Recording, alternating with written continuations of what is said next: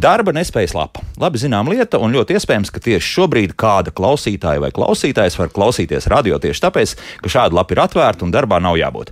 Te gan uzreiz vēlēšu labāk ātrāk nokļūt uz pekām un lapu slēgt, jo raidījumu var noklausīties vakarā plus trīs dažādos veidos internetā, bet stāsta tomēr par darba ņēmēju slimošanu jau iepriekš minētajām slimības lapām. Tad lūk, American Journal of Preventive Medicine publicēts raksts, kurā tiek apskatīta situācija, kad darbiniekam slimojot nav iespēja izmantot apmaksāt slimības atvaļinājumu. Lāsto to pašu slimības lapu. Un Amerikas Savienotās valstīs tā ir bieži parādība, jo federālā līmenī tādu vienkārši nav.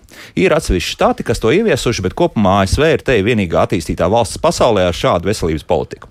Tad, lūk, salīdzinot dažādas apgabalus, kur darba devēja apmaksātās slimības lapas ir un kur nav, pat viena štata līmenī, piemēram, Floridā, atklājies, ka darbspējīga vecuma cilvēka mirstība ir būtu vai būs par 7,5% mazāka, ja darbiniekam šāda sociāla aizsardzība būtu.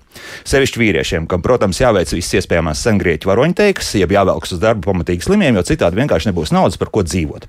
Vēl tam visam papildus līdzināk alkoholisms, pašnāvības un ģimenes konflikti, un tagad to attiecinām arī uz Latviju.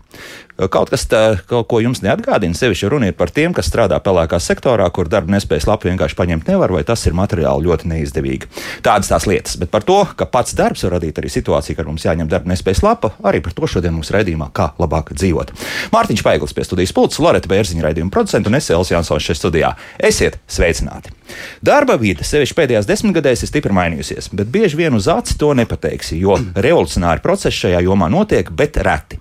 Kā tad ir mainījusies darba vide Latvijā 21. gadsimtā? Par to šodien ir raidījumā. Mans studijas viesis - Valsts darba inspekcijas Eiropas darba drošības un veselības aizsardzības aģentūras kontaktpunktu vadītāja Linda Matisāne. Linda, sveiki! Labrīt! Korporatīvās ilgspējas un atbildības institūta vadītāja Dārts Helmane. Sveiki! Labrīt! Un Rīgas Tradiņu Universitātes darba drošības un vidas veselības institūta direktors profesors Ivars Vanaciņš. Labrīt! Labrīt! Sākam! 20 gadu nogrieznis. Kāpēc uh, tieši tas uzsvars uz tiem 20 gadiem? Kas sāks? Tiešām ir tāds laiks, kur ir daudz izmaiņas bijušas. Vai mēs varētu teikt, nu, arī 30 gadu griezumā mēs varētu kaut ko skatīties? Profesors, laikam, sāks. Ja? Nu, jā, es varbūt tiešām izmantošu iespēju sākt, un kolēģis, protams, papildinās. Nu, ir jau tā, ka, laikam, jebkuru nogriezienu var paņemt, tas ir viens, un otrs, ka jebkuru, nu, nav neviena paudzes pasaules vēsturē, kur neteikt, ka mēs dzīvojam tajos trakos pārmaiņu laikos, un vien vienmēr tā ir bijis. Līdz ar to 10, 20 vai 30 varbūt nav kritiski, bet 20 tāds jauks, jauks ap, apaļš cipars, kur paskatīties atpakaļ, un īstenībā tiešām 20 gadu laikā jau ir diezgan daudz, kas ir mainījies. Un, un kā būs, par, par to mēs mēģināsim runāt, cik nu, tas ir prognozējams un paredzams.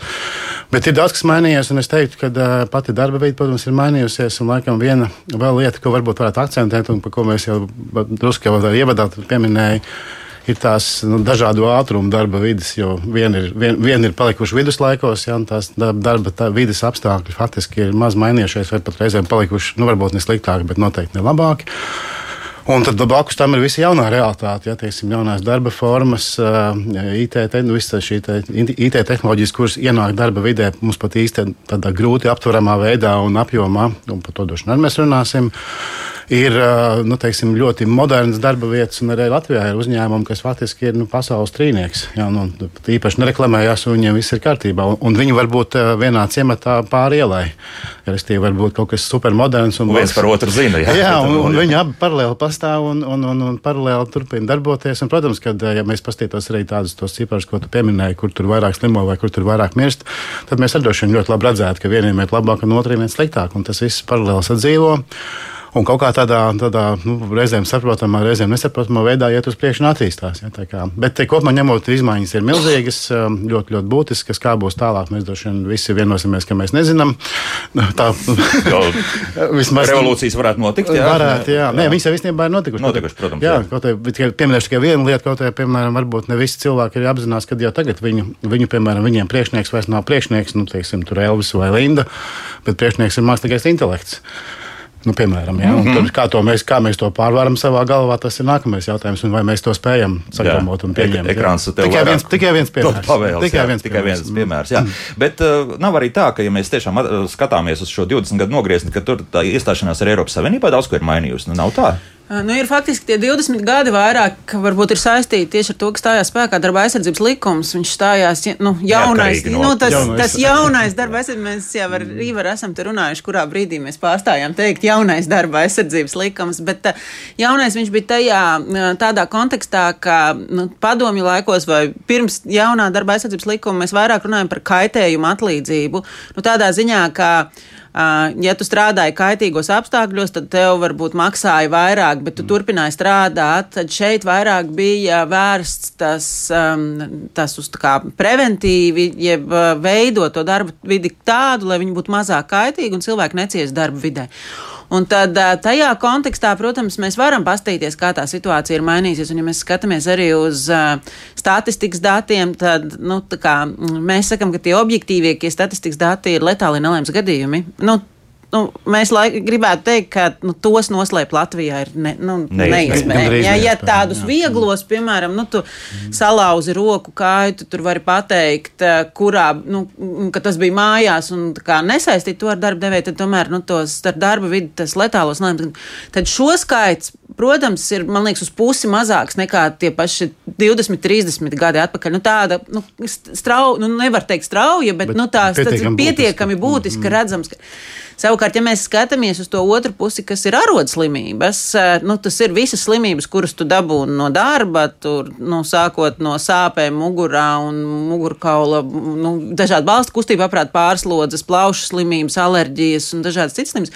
To skaits nav dubultojies, tas, man liekas, ir pieckārtojies, ja, ne, ja vēl, varbūt vēl vairāk. Ja vēl vairāk, mm. Vienkārši cilvēki arī vairāk apzinās, ka viņiem tās pašas jau pieminētās sociālās garantijas, ka tad, ja tev ir tas kaitējums darba vidē noticis, tu vari doties eh, pie ārsta, tev iziet to visu procesu ar reģistrāciju un visu, un tad tu vari saņemt no valsts Aha. kompensāciju. Ja tu esi, un ne tikai kompensācija par to, ka tu esi zaudējis darbspēju, bet arī ārstēšanās eh, izdevums, rehabilitācijas izdevums. Un tādā ziņā nu, tas viennozīmīgi ir nospēlējis par labu tiem cilvēkiem, kuri varbūt arī nu, dodas uz rehabilitāciju un mēģina atgriezties darba tirgu. Un, tās varbūt, nu, un tas, ko Ivars teica, šobrīd ir viss vecais, nu tā kā vēl joprojām, plus nāk visas tās jaunās lietas, gan platformu mm. tehnoloģijas un, mm. un, un droni un, mm. jā, un, un cilvēki ar mentālās veselības problēmām darba vidē, no tām pašām depresijām un, un tas pats Covid, kas ienesa mm. būtiskas pārmaiņas. Nu, tas pagriez pa visu par jā, 80 jā, jā, jā, un, un, Izdegšanas sindroma epidēmija. Jā, nu tā kā, nu tā kā mums ir ļoti, ļoti daudz kas, uz ko skatīties darba vidē. Bet nav tā, ka varbūt ir ka cilvēki vienkārši tagad zina, ka vispār tādas lietas pastāv mm. un vispār iepazinušies ar izdegšanas sindromu. Tāpēc tas tā notiek. Tāds nav tas gadījumā vainas. Tagad nu, mēs droši... zinām, un tāpēc mēs tagad slimosim šādi. Nu. Nē, nu droši vien, kā jau Linda arī teica, skaidrs, ka daudz kas ir saistāms ar to, ka cilvēkiem paaugstinās izpratne, bet vienlaicīgi paaugstinās arī darba devēja izpratne. Diemžēl vienīgi, kā norādīja Ivars, mēs varam runāt par salīdzinoši nelielu daļu darba devēju, kas, kas iet uz priekšu un dara, jā. Jā, un dara daudz vairāk nekā likums prasa, un tad ir tā otra daudz lielākā, daudz lielākā darba devēja daļa, kas labākajā gadījumā izpilda darba aizsardzības likuma vai kādu citu tiesību aktu prasības. Um, es noteikti vairāk varu runāt par uh, pēdējiem aptuveni 12 gadiem tieši ilgspējas indeksa kontekstā. Tas ir novērtējums, kuru Latvijas uzņēmumi izmanto, lai no pašnovērtētos, lai saprastu, kāds tad ir uh, viņu sniegums, tā skaitā darba vidē. Un tur arī mēs, uh, droši vien arī, Linda, kā, kā eksperte tieši darba vidas sadaļā var, var noteikti papildināt, mēs, mēs varam redzēt izaugsmi attiecībā uz šiem darba devējiem, kuri, kuri pirmkārt ir pietiekami drosmīgi, lai vispār uh, piedalītos šādā novērtējumā, lai paši sev un citiem atklātu, cik labi vai, vai, vai slikti mēs, uh, mēs um, uh, kā, kā, cik labs vai slikts ir mūsu sniegums, uh, tā skaitā darba vidas jautājumos. Uh, nu jā, tātad mēs, mēs redzam tur, uh, tur um, izaugsmi, bet tas, ko es droši vien gribētu uzsvērt, kas, uh, kas ir īpaši mainījies, tas, ka darba devēji sāk saprast, ka viņu atbildība nebeidzas tikai ar viņu darbiniekiem. Vai tikai ar viņu darba vidi, ka ir vesela virkne darba devēji, kas sāk saprast, ka patiesībā viņiem ir jārūpējas arī un jādomā arī par tiem darbiniekiem, kas strādā piemēram pie viņu piegādātājiem, sadarbības partneriem, apakš, apakš uzņēmējiem un, un, un, un tā tālāk. Un, te atkal, jā. un te atkal jāsaka, ka pateicoties droši vien lielākā mērā tieši Eiropas Savienības regulējumam, kas tagad jau šobrīd liek uzņēmumiem atskaitīties un ar konkrētiem skaitļiem parādīt, ko tad viņi ir darījuši attiecībā uz saviem darbiniekiem un, un kā viņi seko līdzi, tā skaitā darba drošībai visā savā piegādes ķēdē. Un tad varbūt kādam rodas jautājums uzreiz, kāpēc man to būtu jādara? Nu, es saņemu pakalpojumu, es norēķinos ar savu apakšu uzņēmēju, un man pilnīgi tālāk neinteresē, kas tur notiek. Kāpēc tā? Man liekas, Lindai bija labs nu, viens tas emocionālais piemērs par to, kā kāda, kāds darba devējs bija teicis, ka tajā brīdī, ja man ir jāslauka asinis savā, savā, savā uzņēmuma teritorijā, tajā brīdī man kļūst vienalga, vai tas ir mans vai, cit, vai kāda cita uzņēmuma darbinieks, tas jā. emocionālais aspekts. Bet otrs šobrīd, tas ko, tas, ko es konkrēti novēroju, ka aizvien vairāk tieši globālie uzņēmumi pieprasa Viens ir tas, ko prasa tiesība akti, tur atkal kāds var, kādam var likties, tur ievērošu vai neievērošu. Bet, piemēram, globālie uzņēmumi, tādi kā Volkswagen un daudzi citi, ne tikai pieprasa, lai uzņēmums konkrētais viņa potenciālais sadarbības partneris Latvijā vai kaut kur citur parādītu, kāda ir mana darba aizsardzības sistēma, ko es daru, kā es, piemēram, novēršu, novēršu nezinu, cilvēku tirdzniecību vai vispār cilvēktiesību ievērošanu, uh, garantēju, bet patiešām ierodas pārbauda auditē, un no tādām uh, pārbaudēm uzņēmums teiktu, ka baidās, baidās daudz vairāk, vairāk nekā jā, no darba tiešām, inspekcijas. Jā. Tāpēc, vairāk, ka tas jā. ir, at, tas ir no tādas zaudēt biznesa. Biznes. Nu, bet labi, to, jā, jā, vēl, jā. vēl viena lieta ir kontekstā ar to ar biznesu, ir tas, ka ļoti bieži uzņēmumi baidās par savu reputāciju. Tāpēc, ka tajā mm. brīdī, kad notiek nelaimes gadījums uzņēmuma teritorijā, un tas ir, piemēram, uzņēmums ar atpazīstamu zīmolu, tad arī mēdījus pilnīgi nemaz neinteresē, kāds Jādis bija apakš uzņēmēja. Nu, nu, bet viņš pateiks, tur tāda uzņēmuma teritorijā notika šitas, vai ar tādu un tādu uzņēmumu mašīnu brauca un, un, un, un, un bija letālais nelēms gadījums. Un, uh, tieši tie aspekti, kas ir vairāk orientēti uz, uz biznesa, nu, lai netraucētu biznesam, lai nezaudētu biznesu, lai viņš būtu labāk, tas ir. Uh, tas ir, jā, jā, tas ir ļoti mm. būtisks dzinējspēks mm. arī šobrīd jau Latvijas uzņēmumos. Bet, protams, es arī gribētu uzsvērt to, ko Dāta teica, tā plaisa starp labajiem un sliktajiem uzņēmumiem ir kā šķēru gali. Ir labie, kļūst ar vien labāki, un tur mēs varam tos piemērus, ko labie uzņēmumi darīt, nu, dara saviem darbiniekiem. Nu, mā, organizē apmācību. Trīs stundu prezentācija par labu. Jā, jā nu, sākot no apmācības, nu, kas ir viena no jaun, nu, pēdējo gadu tendencēm, ir semināri par to, kā labāk izgulēties. Jo tu loģiski no rīta, ja tu esi izgulējies, tu esi produktīvāks, tu esi radošāks, tu pieļauj mazāk kļūdas. Un tas ir viens, ir, protams, līdz ar to ir mazāk arī nelēms gadījumi, bet arī uzņēmumam ir labāk cilvēks, tev ir vairāk izdara tajā vietā. Viņš foršāku runu uzrakstīs, vai viņš uh, izdomās jaunu kaut kādu pakalpojumu, vai radošāku pieeju kaut kādu izdomās. Laipnāk atbildēs klientam. Jā, laipn, laipnāk atbildēs klientam, klientam, bet tā otra daļa vēl joprojām, nu, tā kā tā melnā zona vai pelēkā, pelēkā zona ir pelēkā, ritīgi pelēkā kā tuvu Melnijai, ir tie, kuri atlaiž darbinieks vēl joprojām pēc, ar, ar vārdiem, tur ir vārti. Nevis darba likuma tāda. Drīzāk šantažēja ar to. Nu, jā, jā ej, ej. Un te arī, protams, loģiski nāk klāt arī tas, ko Elvis, jūs tā pašā sākumā pieminējāt par tiem sociālo garantiju trūkums. Loģiski viņiem ir bail, viņi, viņi darīs jebko, viņi nevarēs izvesaļoties, viņiem nevarēs paņemt slimības lapu, tāpēc, ka viņiem būs jāiet uz darbu, jo viņi būs, viņiem nemaksās vienkārši. Jā, aplaukšaums. Un te jā. ir tas, kas ir pasaulē arvien lielāk, arī uz šo lietu var pastīties kā uz absolūtu nevienlīdzību. Tu tā kā, nu, tev ir darbs, bet viņš nav nav vienlīdzīgs darbs ar to, nu, es pat nerunāju par algu, bet par darba apstākļiem, kā tajos labajos uzņēmumos. Un loģiski, ka tev ir eh, nelabi, nu, nelabi slikti darba apstākļi, kā arī tava veselība. Nu, tas skaidrs, jā, nu, tas uzņēmējs tā arī strādās. Viņam ir labi, viņš tagad var pasmīnēt, viņš paklausīsies visu, ko mēs te runājam. Tāpat ir viss notiek, jā, nauda nāk, peļņa ir, tie darbinieki arī kaut kādā veidā uzskatīsim, ka būs apmierināti, jo tomēr pie viņa joprojām turpina strādāt. Bet no tās otras puses mēs arī kaut kā varam skatīties. Nu, tad mēs atkal runājam par to, ka tam darbiniekam nezinu, tas ir vai nu izglītības mm. līmenis un tā trūkums, vai, vai, vai tieši otrādi savu tiesību vienkārši nespēja aizstāvēt. Nu, tas ir tieši, ir tieši klausies un domāju, ka mēs par šo esam arī paši daudz diskutējuši. Bet tas ir tāds, kaut kāds tāds ieildes Stokholmas sindroms, jo, jo tie to slikto uzņēmumu darbinieki, viņi īstenībā jau labi uzņēmumi meklē darbiniekus. Viņi visi meklē darbiniekus. Mm. Līdz ar to ir ārkārtīgi tāda īpatnēja situācija, un varbūt tiešām šis ir piemērots formas par to runāt ar Latvijas klausītājiem kopumā, ja, faktiski, nu, varbūt vienā brīdī ir jāsaprot, ka, nu, kāpēc man ir jācieš un kāpēc man ir tie visi tās mobbings, bosings un sliktie apstākļi jāpacieš, ja man blakus ļoti labi uzņēmumi pāri ielai meklē darbiniekus, maksā visu pilnu sociālos, no, nu, nu, to sociālo paketu, visu nodrošina, ja, un, un ir cilvēcīga attieksme. Tas ir tāds arī nu, tāds ļoti īpatnējs jautājums, kas arī ir viena tāda nu, būtiska lieta tajā visā vidē. Bet tas, ko es gribēju vēl tikai piebilst, īstenībā re, reflektējot uz kolēģi teikto, ir tas, ka um, ir faktiski divas lietas, un varbūt Dārts šeit ir vislielākā speciālists mūsu vidū, ir par to, ka ir, um, ir tie, tie, tiem daudziem darba devējiem ir viena lieta, tā pa īstam jāsāk saprast, un daudz to saprot un mainās, daudzi vēl nē, ka faktiski ir konkurētspēja un produktivitāte. Un tās ir divas lietas, īpaši teiksim, šajos te pašreizējos apstākļos. Ja, faktiski ir, ir viens brīdis, kad tu vari tādu sliktu, nemotivētu darbinieku, kuram ir tiešām viena alga, ka tu vairs faktiski varētu nespēt uh, izturēt uh, jebkādu veidu konkurenci, jebkurā nozarē. Un pat nav svarīgi, vai tas ir taksometrs vai tā ir optiskās šķiedras ražošana. Tas pat nav svarīgi. Ja, ja tu neesi pietiekami normāls, tev faktiski vienā brīdī vairs nebūs, kas īsti strādā, vai, nav, vai jau tagad nav. Mm -hmm. ja, tas, ir, tas ir ļoti būtisks aspekts. Jā, bet tad eh, atkal iebildīšana, pieņemsim, pelēkajā sektorā, to ir vēl vieglāk risināt. Tad, nu, piemetīs ātri klāt nu, kaut kāds 50 eiro mm. mēnesī, un, un cilvēks jutīsies šausmīgi laimīgs. Te, te, te, te, te ir Elvis atsaušos uz statistikas datiem. No. Tā, tā lielā problēma, ko arī darbdevējiem būtu jāsaprot, ka faktiski tāda, nu, tāda relatīva, nu, pirms Covid sagriezās kājām gaisā ļoti daudz ko.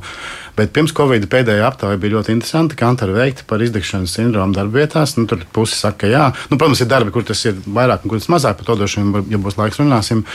Bet tur tas galvenais, ko es saku semināros saviem klausītājiem, ir viena lieta, ko, ko, ko viņiem būtu jāpasaka darba devējiem ar, ar sakām flamasteru jāpastrīpo. Kad pirmā lieta, par ko cilvēki sūdzās, kas viņiem, ko viņiem rada izdegšanas sindroms, ir tas, ka viņiem vairs neko nevajag. Viņiem nevajag tos 50 eiro klāt. Viņiem nevajag neko. Viņi pirmā populārākā atbilde ir pamatīgi atrāvieni. Nevēlos uzņemties jaunus pienākumus. Tad, Nekādus materiālā stimulus vairs nestrādā. Vien, nē, nu, protams, vien, viņš strādā līdz zināmai robežai. Vienā brīdī vienkārši kļūst vienalga. Bet te mēs attiecinām uz pilnīgi visiem teiksim, darbiem. Droši vien, kad ir, mēs, grupām, ja mēs runāsim par tādu darbu, mēs arī aizsināsimies līdz tam, ka būs profesijas, kur viņš nekad nebūs. Mm -hmm. Būs profesijas, kur viņš jau tagad ir realitāte. Te, tas pats, protams, ir gadījumi, ka tas nestrādā, bet nu, vienā teiksim, pusē Latvijas darba tirgus tas sāk strādāt, ka vienkārši vienā brīdī cilvēks pasakā, bet nē, man nevajag tos 50 mm. eiro vairs. Tas, jā, un to pašu var attiecināt arī uz dažādiem tādiem monetāriem vispār labumiem darba mm. vidē. Ne jau tiešām, jā, jā, jā, piemēram, ne, ne jau tikai algas palielinājums, bet, piemēram, tā tādi labumi kā veselības apdrošināšana, kas varbūt vēl pirms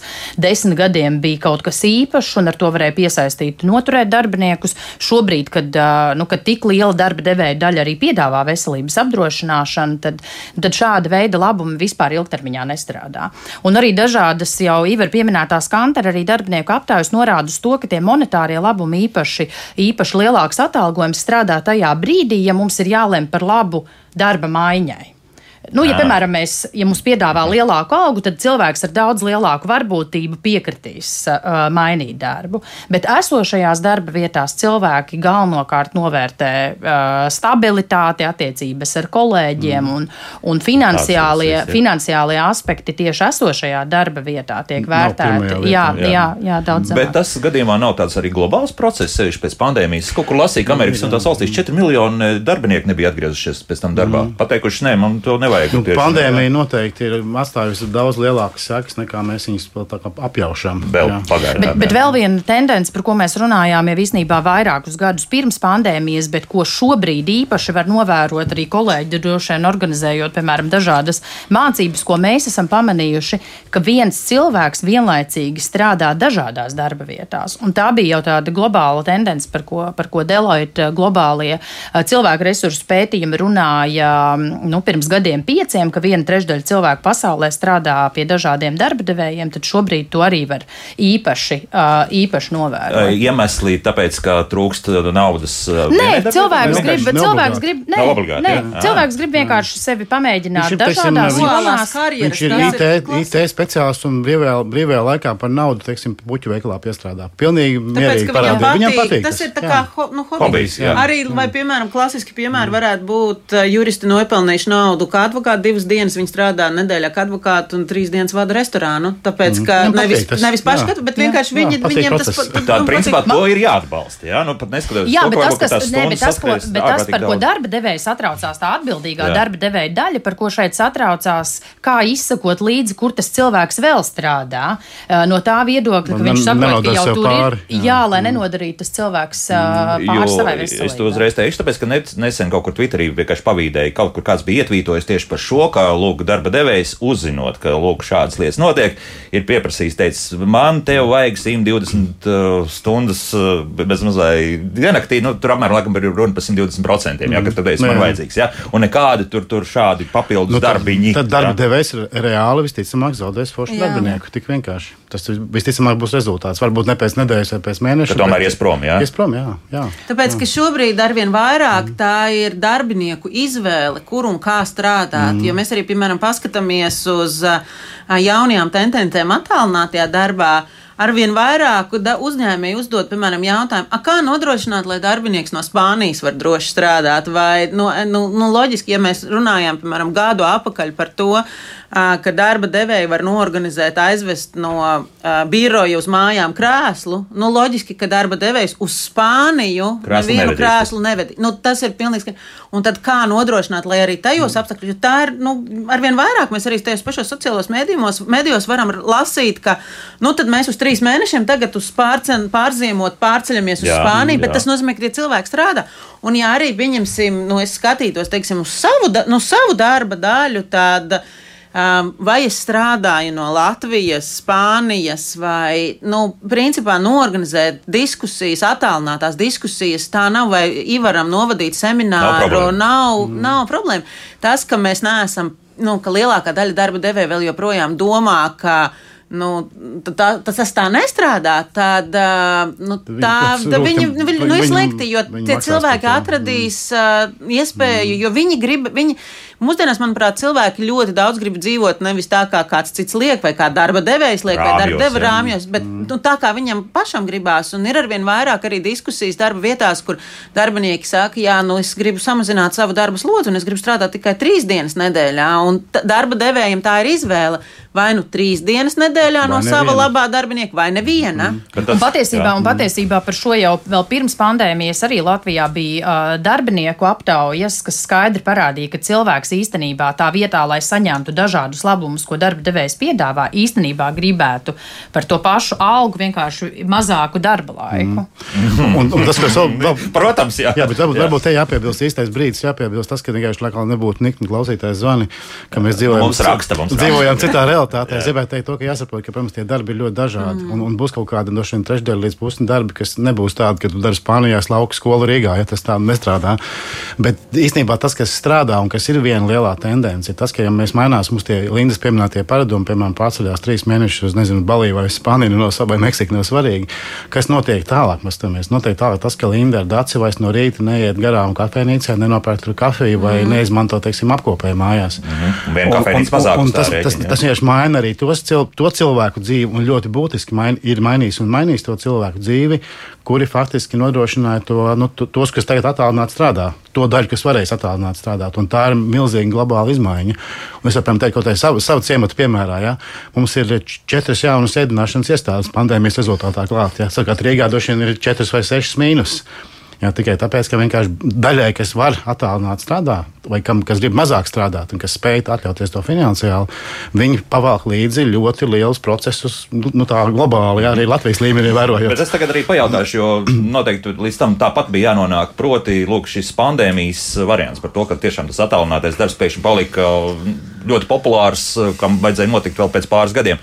Bet vai nav tā, ka tomēr ir dzirdēts, ka daudz tomēr spiež, saka, jāatgriežas atpakaļ darbā, un pat arī paši darba ņēmēji to, bet, to nē, ir nu, darīt? Kā jā. darba ņēmēja aptaujas liecina tomēr par pretējo. Linda vēl mājās. Es nemācīšu tagad pateikt precīzi, mm. bet uh, viennozīmīgi tas, ka mums uh, tie cilvēki, kas strādā to darbu, ir ļoti, ļoti dažādi. Ir tādi, kas ir gatavi strādāt tikai no mājām. Viņiem nevajag, viņiem var slēgt ciet to biroja darba vietu, vai vispār biroju var slēgt. Tad ir tādi, kas gribētu strādāt vienu dienu no mājām. Tad ir tādi, kas gribētu strādāt divas, tad ir kādi, kas trīs, un ir tādi, kas grib strādāt tikai birojā. Bet tie, mhm. to, kas ir birojā, tie ir ap, apmēram piektā daļa. Tikai. Mīnus, jā, ļoti, ļoti, ļoti, un uz tam gan darba devējiem ir jāgatavojas, mm. jo, ja darba devējs būs tāds, kas gribēs, lai visi darbinieki strādā birojā, un viņam pretīm būs darbinieks, kurš gribēs strādāt tikai attālināti, tur ir konflikts. Nu, tur, būs nulle nu, tur ir nulle, nulles. Mm. Galvenais ir atrast tādu darba devēju ar darba saturu, kur kur, gribā, nu, kur, kur abiem ir labi, jo attālinātā darba kontekstā pats svarīgākais ir vienošanās par to, mm. kā, kad un kā tas darbs tiek uh, veikts. Un es domāju, tev jau tas pateiks, vislabāk, tā darba devēja uzticēšanās ir nenormāla. Jā, un šeit problēma. jau tas, tas mm. iemesls, kāpēc tas darba devējs grib to darbinieku, ir tāpēc, lai viņu kontrolētu. Jā, tā ir milzīga un, Latvijas jā. problēma. Turēt pēc iespējas tuvāk. Jā, jā. Bet, bet vēl šeit ir noteikti svarīgi pieminēt, ka tas, šīs, šī izvēle attālinātais darbs vai, vai, vai, vai klāt klātienes darbs nevienmēr ir arī paša darbinieka izvēle tajā ziņā, ka, ka mēs nevaram runājot par pārmaiņām, nepieminēt privātās un darba dzīves līdzsvaru izaicinājumus, jo, nu, piemēram, man pašai ir četri bērni, es arī pirms dažiem gadiem neplānot, bet arī šajā studijā ar vienu no viņiem biju, bet tas, bet tas iemesls ir saistīts ar to, ka pirmkārt trūkst aprūpes pakalpojumu darbiniekiem nav, nu, nezinu, piemēram, mūsu paudzi vēl varēja pieskatīt vecvecāki. Šobrīd mans dēls jau būs beidzis augstskolu, kad labākajā gadījumā mani vecāki būs pensionējušies. Un, un, un līdzīgi ir nu, šobrīd ļoti aktuāls jautājums, par ko darba devēja nepietiekami domā, bet mums tomēr ir daži labie piemēri. Tā ir pieaugušo tuvinieku aprūpe. Un, un, un ir cilvēki, un, un pietiekami liela daļa, mēs pagājušajā gadā veicām Latvijas iedzīvotāju aptauju. Un viena ceturtā daļa norāda, ka viņi jau šobrīd ikdienā rūpējas par kādu pieaugušu tuvinieku. Un tas ir rezultāts un, novecošanai, par ko jā, mēs jā, un, tad, un tā, tāpēc arī šī, šī vēlme pēc attālinātā darba bieži vien ir saistīta vienkārši ar vēlmi uh, saskaņot vai vispār salāgot kaut kā bet savu ir, privāto dzīvi. Jā, bet darbu. tas bija nu, tāda noteikuma, ka tu vari izvēlēties, un tev ir tādas attiecīgās profesionālās iemaņas, ka tu vari strādāt attālināti. Jā, jā, bet tas ir nākamais, kad faktiski tie darbi, būtībā tā sarunas tēma bija, kā mainīsies darbs. Ja, tas, kas laikam ir viena lielā lieta, kas mainīsies, un nu, tiešām faktiski tādu fizisku, manuālu darbu jārēķinās, ka tu, tiem cilvēkiem nav labu ziņu. Viņu paliks mazāk, viņi būs gudrāki. Viņi, Tās astoņas stundas. Kādēļ uz traktoristu. Jā, man ir mans eh, klases biedrs, kurš ir piena lauksaimnieks, traktorists. Viņš bija ar traktoru braucis no, no nezinu, sešu gadu vecuma. Viņš jaunajā traktorā bija stundu nosēdējis un mēģināja saprast, kā vispār ar viņu braukt. Restīvi, tas paliek, tas viss mainās arī tā fiziskā darba puse. Okay, nu jā, traktors brauc jau pats. Piemēram, kad pat grīdu mēs jau neslēpam, mēs palaižam, robotu. Jā? Nu, jā. Tas ļoti, ļoti mainās. Un, diemžēl, vai brauc uz mašīnītes? Vai brauc uz mašīnītes? Nu, ražotnēs. Jā, jā, jā. Līdz ar to jārēķinās to, ka arī to, tas, tas fiziskais, tas, ko mēs vienmēr uzskatījuši, ka grāvs jau kādam būs jārok, o nē, tas īstenībā mainās ļoti strauji. Ļoti, ļoti, ļoti strauji. Un arī tur būs tas moments, ka vienā brīdī tas darbs spēks paliks tik dārgs, ka tu nevarēsi atļauties ar rokām raktu grāvi. Viņš vienkārši būs pārāk dārgs. Tev būs jāņem mašīna vai mm -hmm. robots vai kaut kas tāds. Tad, tad tas saprotu, pamatīgi mainās. Tā lielā robežšķirtne savulaik uh, futurologi paredzēja 2030. gads, tad vēl ātrāk viss. Nē, es domāju, tā apmēram arī būs. Kad tev vēl viens piemērs Latvijā, piemēram, motorzāģi izmirstoša profesija. Viņi vienkārši vairs nav, tāpēc tas ir pārāk dārgi. Jā, vienkārši tas nav, nav, nav vairs reāli rentabli un iespējami. Jā. Zāģētāji, jā, jā viņi jā. izmirst. Jā. Mm -hmm. Labi, jā, vēl kaut ko. Tad, tādā gadījumā mūzika, un pēc mūzikas tur arī lasīsim, kas mums mājaslapā. Es skatos, ka būs Niki beigās ļoti. Nē, nē, komentāri nebūs, bet, bet birums, es domāju, būs pēc kāda brīdiņa, jo šobrīd jau seši ir uzrakstījuši. Tas nozīmē, ka būs vēl. Kā labāk dzīvot? Politiku. Mēs runājam par to, kā ir mainījusies darba vide Latvijā pēdējos 20 gados, bet faktiski jau mēs esam sākuši runāt par Nākotnē. to, kā būs nākamie. jā, jā, nu, 20. pat ne, nu, div, par 20 mēs vispār nevaram runāt. Jā, nu, mēs runājam līdz 2030. gadam. Šeit studijā joprojām Linda Matisāne, Ivars Vanadziņš un Dats Helmane. Nu, ko druskuļi palasīšu arī, ko tad mums te klausītāji jautā. Nulles raksta šādi, kādi ir kriteriji darba ņēmējiem, labvēlīgam sociāli atbildīgu uzņēmumu. Tātad faktiski, laikam, tie, tie kriteriji, kādi varētu būt stūris, aiz kura esot labs uzņēmums, sociālajie projekti, uzņēmums finansē un publiski reklamē, vai arī kaut kādi citi kvalitatīvi, kvantitīvas kriteriju kopums. Ir, jo, piemēram, dažas mazumtirdzniecības ķēdes acīm redzamais stūri nodarbojas ar greenwashing un tikai uz papīra sociāli atbildīgi. Nu, par to greenwashing labi, nu, tas, tas drusku citādāk, bet. bet... Nē, nu, es domāju, ka viens ir dats pieminētais ilgspējas indeksa uzņēmumu lokus, ja, un, un faktiski darba devēja reputācijas topi ir, ja šie visi ir kaut kā pietiek ierakstīti Google atsauksmes par, un droši vien, ka okay, daļa no viņām droši vien ir pilnīgi ne, nesap, nu, ne, neiedzīgas un emocionālas, bet apmēram var saprast, vai, tur, vai tas greenwashing tur ir vai nav. Es Jā, domāju, ka mūsdienās ir ļoti viegli pateikt. Man, man tieši tikko paziņa jauns cilvēks un jāatzīst, ka jaunieši ir tie, kas šobrīd īpašu uzmanību pievērš tam, kāda ir gan darba devēja reputācija, gan kāda ir darba apstākļi. Un, uh, viņš man tieši stāstīja, viņš bija paskatījies gan uzņēmumu gada pārskatu, uh, uzņēmumu mājaslapu, uh, pajautāja man, vai šis uzņēmums piedalās piedalās ilgspējas indeksā, bija pat izpētījis, vai un cik ir maksāti nodokļi iepriekšējā Vidējā, gadā. Kā, un pie tam ļoti tehniskā profesijā tiešām pārbaudīja informāciju pirms mm. pieņēma lēmumu, vai viņš vispār grib mēģināt šajā mm. uzņēmumā. Jā, jaunieši īstenībā ļoti būtiski mainīs darba vidi, jo viņi faktiski ir tie, kas nosaka toni. Un tas ir darbdevējiem, ja viņi to nereiķināsies, tad viņiem būs problēmas. Bet tagad atkal es jautāšu, kā tad ir ar to augsto bezdarbu tieši jauniešu vidū, kur tur mums aiziet? Nu, viņš ir, manuprāt, tomēr diezgan lielā mērā izdomāts. Jā, tomēr, jā. Visi, kas grib, tie strādā. Jā. Es tā, es tā tomēr teiktu. Labi, ir kaut kādi izņēmuma gadījumi, bet es teiktu, ka jebkurā vecuma grupā bezdarbs ir tāda virtuāla lieta. Jā. Bet tas ir reāli, vai viņi tad ko tādu okay, labi, es zinu, ka ir reģioni un ir, jā. ir teiksim, mobilitātes problēmas. To es arī saprotu. Tas jā. viss nekur nav pazudis, tas viss notiek. Aha. Jā, vienkārši jaunieši, tas, ko mēs šobrīd no darba devējiem bieži dzirdu sūdzības par jauniešiem, jo viņi atnāk, piemēram, nostrādā varbūt Pasībām, pat dažkārt jā. pusdienu un pasaka, nē, es šādā darba vietā nestrādāšu. Mm. Paldies, es gribu darīt nu, es kaut ko jēgpilnāku. Viņi nav gatavi ciest, viņi nav gatavi tam tai ciešanai, kur gadu garumā, kad tāpēc, ka es tur lojāls vēl kaut kāds. Minimālos tam vairs nav. Un vēl viena lieta, kas, kas ir raksturīga, piemēram, skatos uz um, saviem jauniešiem, viņi dzīvo, viņu, piemēram, nauda ir tikai digitāla. Viņi vispār nesaprot, kā, ko nozīmē strādāt, nu, darboties ar skaidru naudu. Viņiem viņas nav, jo viņi, piemēram, ja ēdienu pasūta, viņi pasūta digitāli ar taksi, viņi brauc, viņi, viņi maksā ar karti. Viņiem nu, nepastāv tāda iespēja kā, nu, kā aploksņu alga, jo viņiem tas sagādā nērtības. Nu, kur tad tagad to skaidro naudu à, likt? Jo, jā, jā, jā. Domāju, ko tas īsti maina? Tas, tas maina ļoti daudz. Tas, tas maina ļoti jā. daudz, jo jā, viņiem, jā. ja nu, saņemt naudu, jā. tad iet uz banku, mm. iemaksāt bankomātā ir mm. daudz grūtāk nekā ja darbdevējs automātiski. Tas ir varbūt viens veids, kas īstenībā brīnišķīgi strādāt, ja mēs visi, piemēram, arī tas arī pelēku ekonomiku samazinātu, ja mēs maksātu tikai ar bezskaidru naudu, jo tad to faktiski nevar noslēpt. Uz to jau ir spiežīgi. Nē, bet un, un jā, tam, ir, tam ir ļoti liela jēga no tās mūsu jomas puses, jo tas automātiski nozīmē normālāks darba apstākļus. Nu, kaut kādā mm. laika nobīde, protams, jā, bet to tas tieši patiesi nozīmē. Bet Elvis gribēja pie vienam ciparam pieķerties. Un tas cipars ir ļoti būtisks. Mēs runājam par jauniešiem, bet mums runājam par otru galu, ko Dācija īstenībā sāk runāt. Un tu teici 20, 30. Un 20, 30 ir tas skarbais brīdis, kad Latvijā, nu, apmēram 20, 30 puse mūsu darbinieku uzņēmumos būs 55 gadus veci. Vidējais vecums Latvijas uzņēmumos būs 55.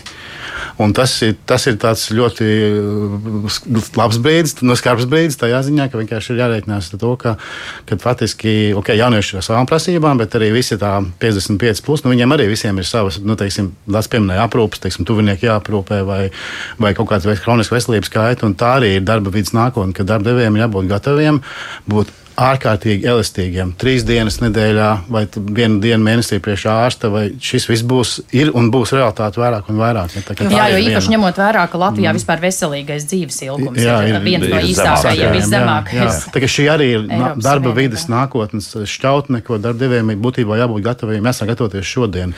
Labi, bet varbūt tur tādā ziņā mums, mēs būsim unikālā un labākā situācijā nekā varbūt citur Eiropas valstīs un pat Amerikas Savienotās valstīs, jo vienkārši tā mehanizācija un automatizācija, kas nāks, vienkārši nu, nu, viņš ņems ārā. Tad cilvēks aizies pensijā, ir ļoti iespējams pat varbūt ātrāk. Ja mēs vienu brīdi ļoti runājam par to, ka 70 gadi tas nav nekas, būs vēl jāstrādā ilgāk. Es tagad domāju, ka tagad sāk tas ritenītis griezties uz otru pusi, ja, ka varbūt ne, ne 65, nu, bet 60. Vēl, tomēr šķiet, ka nē.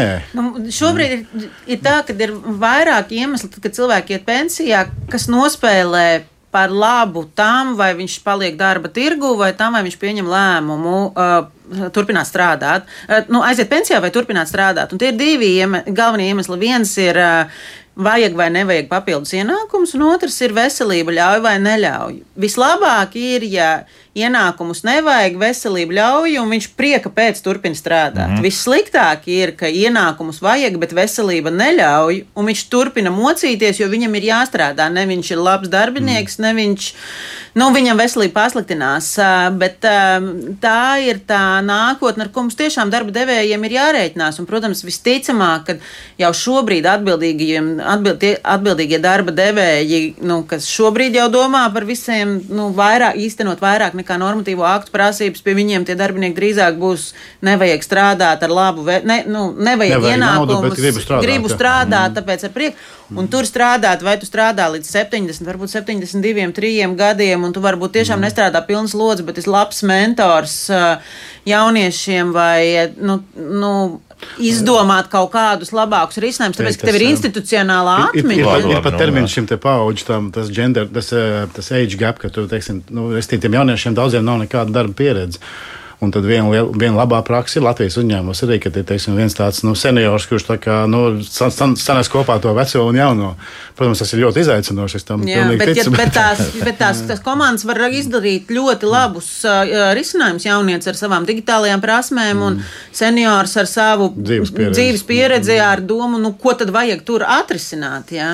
Bet labi, nu, es vēlreiz atgriežos pie tā darba devēja. Ja pieņemsim, viņš tagad sāk domāt, un viņš tagad ir dzirdējis mūsu raidījumu A, ko tad īsti tad darīt? Nu, tad, tad, turēt to savu kolektīvu, gan arī ar dzelzceļa dūri kopā, nepārtraukti pārbaudīt, vai tev ar redzi viss kārtībā, vai tev gūžas ir kārtībā un tā tālāk. Tad tas ir tas variants. Nu, ka tur nedod Dievs, tu, drīzāk, tagad tu esi kā dzimzemnieks piesaistīts pie manis, tu nekur neies. Drīzāk, es, ne, tev, tas, es par tevi rūpēšos. Jā, drīzāk jā, ne, jo tas automātiski atcitīs milzīgu darbu ņēmēju daļu jauniešus. Automātiski. Jā, tāda attieksme, manuprāt, netolerējās pilnīgi nemaz un necik. Un, un, ne, nē, nu, tā, tā skaisti visu to noformēt varbūt. Nē, nu, tas, kas, nē, nu, tas, ko šobrīd, piemēram, darba devēji dara, ir, es jau pieminēju datus, bet uh, mums pat rīt būs, starp citu, visiem, kam droši vien ir interesi, vēl var, vēl var arī, arī, arī uh, painteresēties un rīt sakot līdzi. Mums būs seminārs tieši par, par mērījumiem darba vidē, bet, uh, bet darba devēji aizvien vairāk īsteno dažādas aptaujas, lai saprastu, ko tad vispār pašiem darbiniekiem vajag.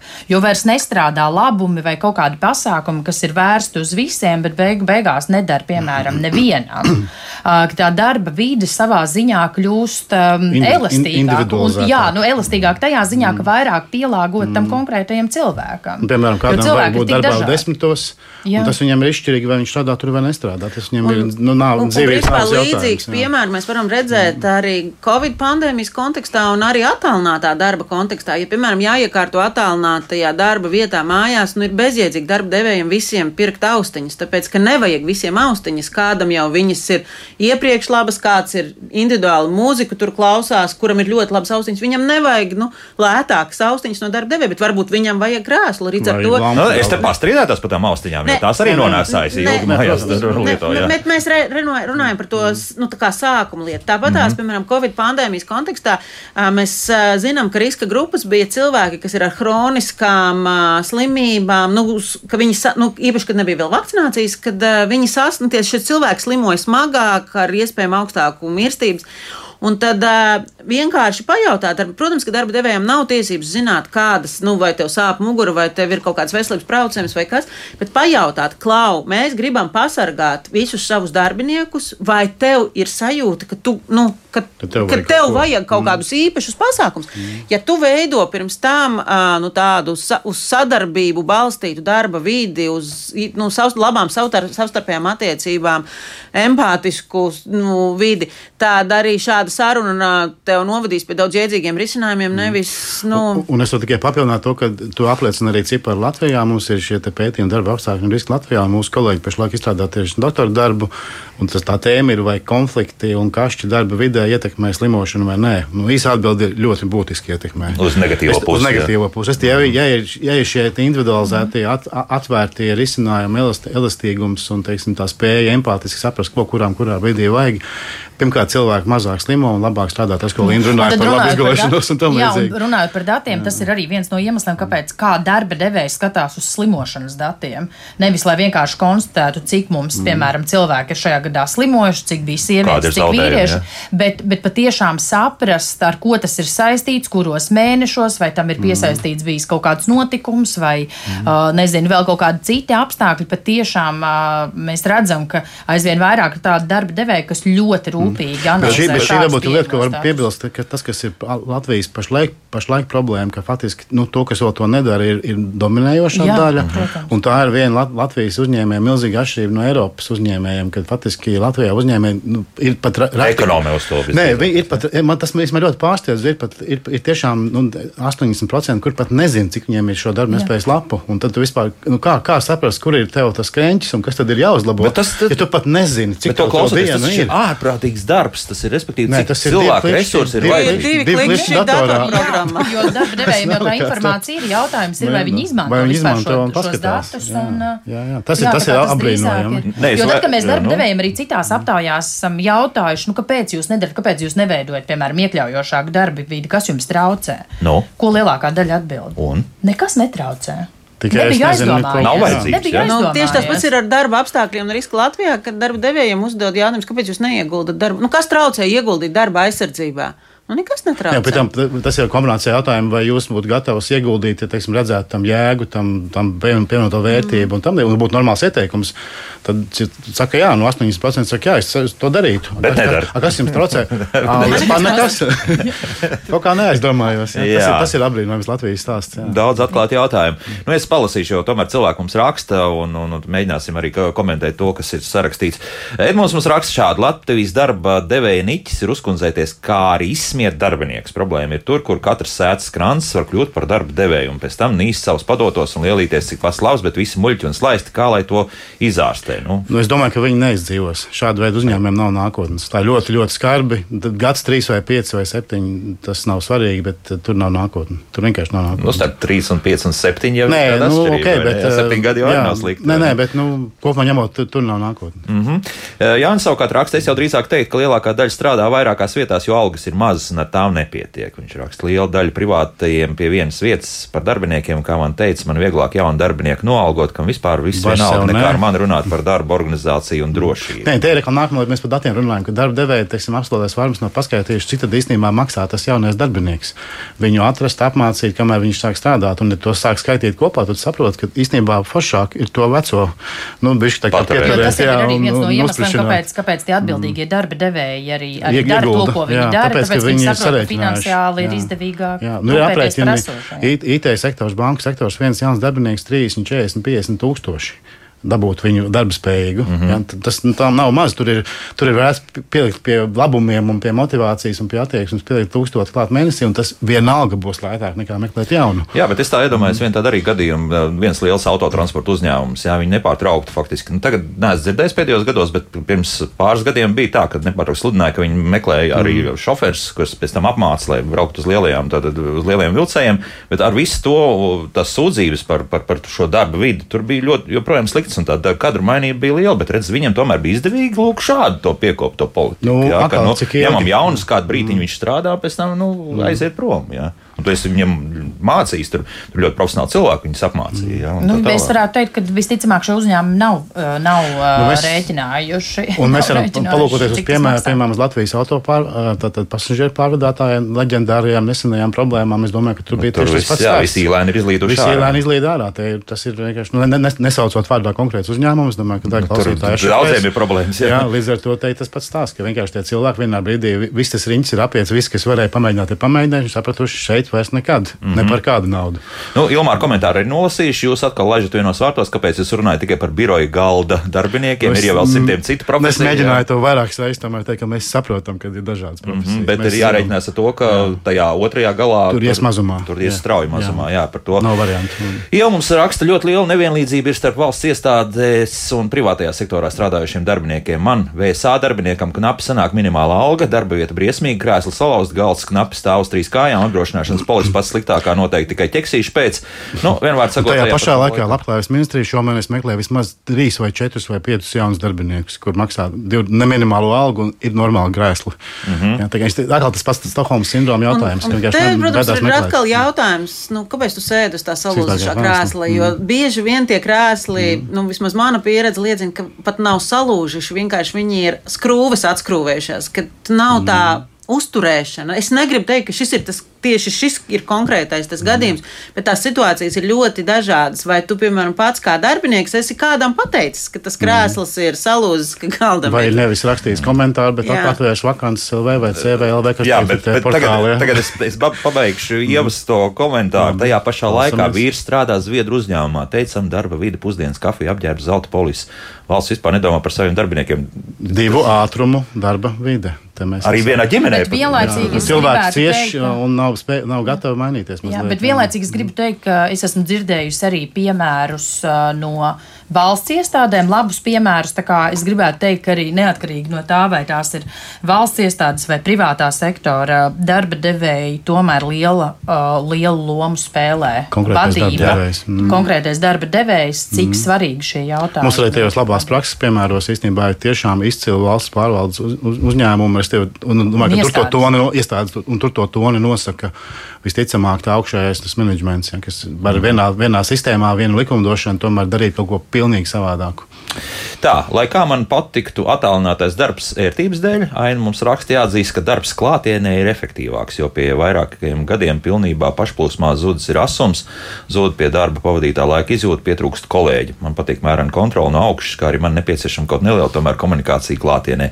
Pat labi, man ir ļoti atsaucīgs un labs darba devējs, tomēr jūtos, ka man tik ļoti nevar uzticēties. Man nepieciešama termiņa kontrola, sapulces un neliela spriedzīte. Nu, te ir risinājums divas dienas nedēļā birojā, piemēram. Jā, varbūt tas ir risinājums. Tā spriedzīte pietiek. Dabūt tos spriedzīti, uzdevumus, kontroli. Bet, ko, man liekas, ko, šis arī apliecina to, ka mēs tomēr esam dažādi un ka, mm, ka arī attālinātais darbs nav kaut kas, ko visi, visi ir gatavi bez, nos, bez nosacījumiem.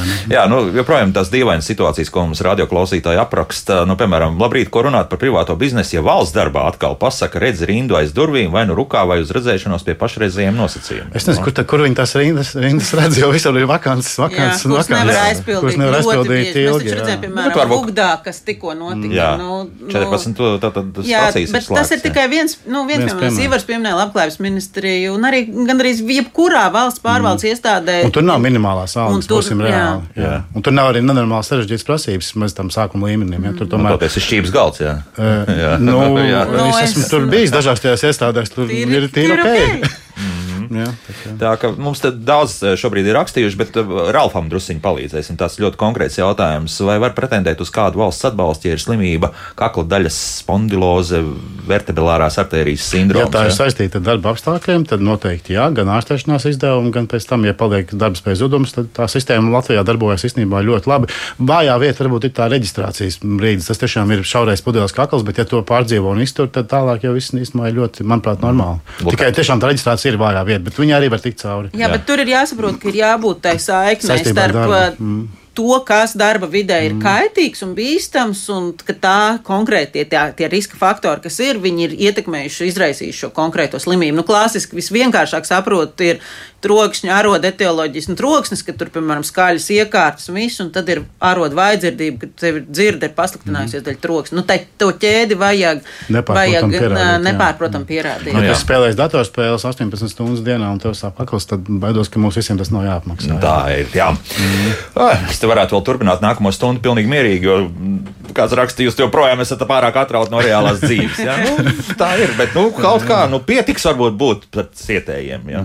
Tas varbūt ir viens tā sausais atlikums no šīs stundas. Vienkārši atvērt acis un palūkoties, nu, kur ir tā neminimālā alga un tie normālie darbi. Vispār paskatīties, jā, nu, painteresēties. Jā, jā, viņi ir. Mēs zinām, ka viņi bet, ir. Un pat, un pat pamēģināt, varbūt kādreiz pat sporta pēc, vienkārši aiziet uz darba, darba inter, interviju, interviju un paskatīties, ko mm. piedāvā.